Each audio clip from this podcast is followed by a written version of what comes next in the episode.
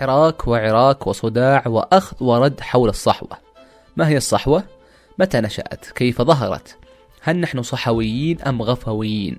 وإن كنا كذلك أو كذلك هل أدركنا أننا كذلك؟ هذه حكاية وأنا مهند في البداية خلني أخذكم شوي للتاريخ القريب في الخمسينات والستينات من القرن الماضي ظهر ما يسمى بثورة الضباط الأحرار في مصر هذه الثورة كان شعارها العروبة القومية العربية وأن العرب لابد أن يستعيدوا مكانتهم بين الأمم. بالضبط مثل الحركة النازية في ألمانيا ومثل الحركة الفاشية في إيطاليا. كان لدى عبد الناصر شعار رنان وهو العروبة وكان يحشد الجماهير تحت هذا الشعار. وهذا واحد من أهم مبادئ علم نفس الجماهير. فهناك شعار رنان ومبادئ وهناك جماهير تلتف حول هذا الشعار.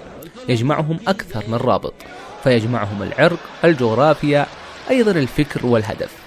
انطلق عبد الناصر من معسكر الضباط الأحرار ليقود مصر فاستطاع إنهاء الملكية من مصر وإنهاء تواجد البريطانيين هناك. ومع خروجهم من مصر لم يلبثوا إلا وأن اجتمعوا ضده. بريطانيا فرنسا إسرائيل فيما يسمى العدوان الثلاثي الذي خرج عبد الناصر منه منتصرا على الأقل في الجانب المعنوي. واستطاع أن يؤمم قناة السويس وأن يضمها تحت السيادة المصرية. بذلك هاجت الجماهير وماجت باسم عبد الناصر.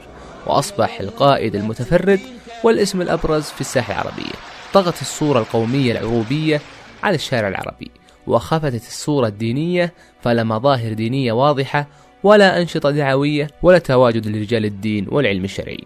فقط قصائد العروبيين وأغاني القوميين تصدع في الإذاعات العربية وتصبح الجماهير وتبسيهم. مرت السنين وبدأ يظهر للسطح صراع مصري إسرائيلي ماض في طريق الحرب العسكرية. في تلك اللحظات كانت الجماهير بحسب عادتها تنساق خلف الشعارات واختفت مظاهر التفكير المنطقي والعقلاني. فالكل يسبح في فكر واحد تحت شعار واحد وقائد واحد. وكانت الفكرة أن إسرائيل ستهزم خلال ساعة واحدة من بداية المواجهة وسترمى في البحر. وفي عام 67 بدأت المواجهة وانتهت قبل أن تبدأ بخسارة الحرب والأرض لصالح الإسرائيليين واحتلت سيناء والجولان والقدس إلى آخره كانت مصيبة ونكسة لم يسبق لها مثيل في التاريخ العربي وكعادة الجماهير أنها لا تترك شعارها بسهولة عادت بعد هذه النكسة بشهور لترفع صورة قائدها المهزوم عبد الناصر وتنادي بالعروبة والقومية المكسورة في محاولة لجمع شتاتها واستعادة قوتها. في تلك اللحظات تصاعد الصوت الإسلامي وبدأ يجهز شعاراته كالإسلام هو الحل وغيرها.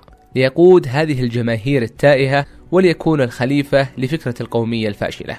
وصل الصوت الإسلامي قمته في الثمانينات وأصبح يقود الجماهير في كثير من الدول العربية وطغى المشهد الإسلامي على الشارع في أغلب الدول العربية. انجر كثير من أصحاب العلم والفقه والقادة والسياسيين للمشروع الإسلامي. كعادة الجماهير تضم الفلاح والبروفيسور تحت شعار واحد ولا ترى للفرد قيمة إنما القيمة لصوت الجماعة. فتمظهر ما يسمى بالصحوة الإسلامية.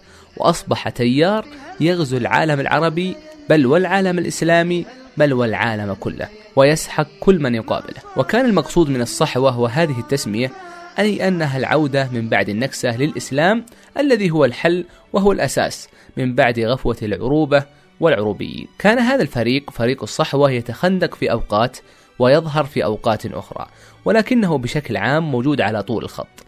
هذا التيار كان يحتاج لوجود عدو لكي يتطور وينهض وهذا مبدأ مهم من مبادئ علم نفس الجماهير. فالجماهير تحتاج لعدو حتى تبني أفكارها بالضد تماما لأفكار العدو وليكون لها مقابل ونظير تهتف في وجهه دائما. وهذه عدد تيارات في كل العالم. فلولا الإرهاب لما عرفنا أمريكا ولولا عداء السامية لما عرفنا هتلر وهكذا. فكان العدو الأول للصحويين هو التغريب بكافة أشكاله ووافق ذلك دخول القوات الأمريكية للمملكة. كان هذا في مطلع التسعينات من القرن الماضي وكان للمشاركة في حرب الخليج. فتخندق الصحويين في خنادقهم معارضين دخول القوات الأمريكية وأخذوا يرفعون الشعارات لجمع الجماهير سواء بالمحاضرات أو الندوات أو حتى بخطب الجمعة. انتهت تلك الحرب الفكرية والعسكرية ولم ينجح الصحويون وجماهيرهم في إيقاف الرغبة السياسية وخسروا تلك المواجهة. وبدأوا بالبحث عن عدو آخر فوجدوا مجموعة من الشعراء والأدباء أدخلوا أفكارا جديدة على الشعر والرواية فسموها حداثة وبدأوا بحربها. ولكن سرعان ما سقطت الحداثة لأنها كانت أضعف من أن تواجه موجة الصحوة وجماهير الصحوة. ثم بحثوا عن عدو آخر فوجدوا مجموعة من المبتعثين قد عادوا للسعودية يحملون فكر وملامح أجنبية فسموها ليبرالية وانساقت الجماهير في الحرب ضد الليبرالية وأنها الشكل الأخطر للتغريب ويجب القضاء عليها. فأطلقوا أسلحتهم وجماهيرهم في حرب فكرية طويلة لم يتضح فيها الرابح من الخسران. ولعل أبرز عامل جعل الليبرالية تستطيع البقاء هو سيطرتها على الإعلام الذي يتاح لها مواجهة الجماهير لفترة طويلة. ومع هذه المسيرة الطويلة بدأت الصحوة بالتشدد والانغلاق تارة بعد تارة وسنة بعد سنة. ودخل للصحوة أصحاب أصوات بدون علم فاتخذوا منهج الرأي الواحد الذي يخالف كل قواعد أصول الفقه. ورموا كل المخالفين بالكفر والفسوق. وهكذا جروا المجتمع لحرب فكرية. أحس فيها المجتمع بأنه محارب ومهاجم من كل الاتجاهات وأن الكل له بالمرصاد. ثم تطور الحال بحركة الصحوة فبدأوا بالحراك المدني والحراك في الشارع. فهاجموا بعض المسارح في السعودية بتهمة التغريب والليبرالية كما حدث في مسرح جامعة اليمامة. وتشكلوا على شكل مجموعات دعوية تزور بعض معارض الكتاب وتهاجم الكتاب وتسحب الكتب التي تراها مخالفة تحت شعار الأمر بالمعروف والنهي عن المنكر سواء بشكله المؤسسي الرسمي أو بشكله المشاع للناس. وبالوصول لعام 2011 وانطلاق الثورات العربية في الشرق الأوسط انكبت هذه المجموعات الدينية في خندق دعم الثورات العربية في الربيع العربي. وكانوا يأملون أن يسقط عرش الرؤساء العرب ويعقبهم إسلاميين يقودوا الأمة الإسلامية لطريق التطور والنهضة. هذا كان بحسب رأيهم. ولعل أوضح مثال تحزبهم ضد بشار الأسد في سوريا ودعمهم اللامحدود لمرسي الأخوان في مصر. وفي لحظة وبدون سابق إنذار سقط حكم الأخوان في مصر وسقطت أحزاب الأخوان في أكثر من دولة عربية. وبقي بشار في سوريا فانكسرت شوكة الصحويين وأخطأوا خطأ العمر عندما تنكروا للحكومات واصطفوا مع الشعوب في السراء والضراء. فأدركت الحكومات خطرهم وأن هذا الشخص الصحوي الذي يدعو للصلاة في جماعة وغطاء الوجه هو في المجالس المغلقة يدعو لإسقاط الأنظمة والحكومات وتجيش الشباب لذلك. واستمروا بتمسكهم بمبدأ الرأي الفقهي الواحد على أمور خلافية وهامشية ككشف وجه المرأة سماع الموسيقى قيادة المرأة للسيارة.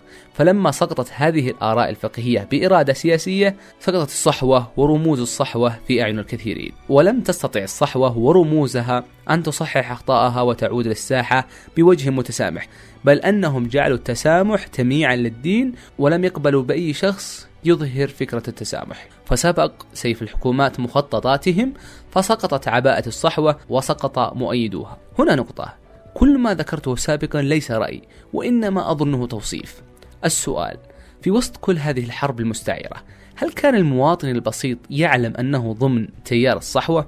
هل كان يعلم أنه صحوي؟ هل يعلم ما هي الصحوة أصلا؟ والسؤال الأهم على اعتبار أن الصحوة سقطت. ما هي الصحوة أساسا؟ وما هي أفكارها؟ وما هي الآراء التي لابد أن تدفن معها؟ والسؤال الأخير الصحوة فكر لم نستطع أن نعرفه. فإن أستطعنا ذلك ما هو الفكر البديل عنه؟ فكما تعرفون أن الفكر يواجه بفكر مقابل له. كانت هذه الحكاية وأنا مهند. ألقاكم.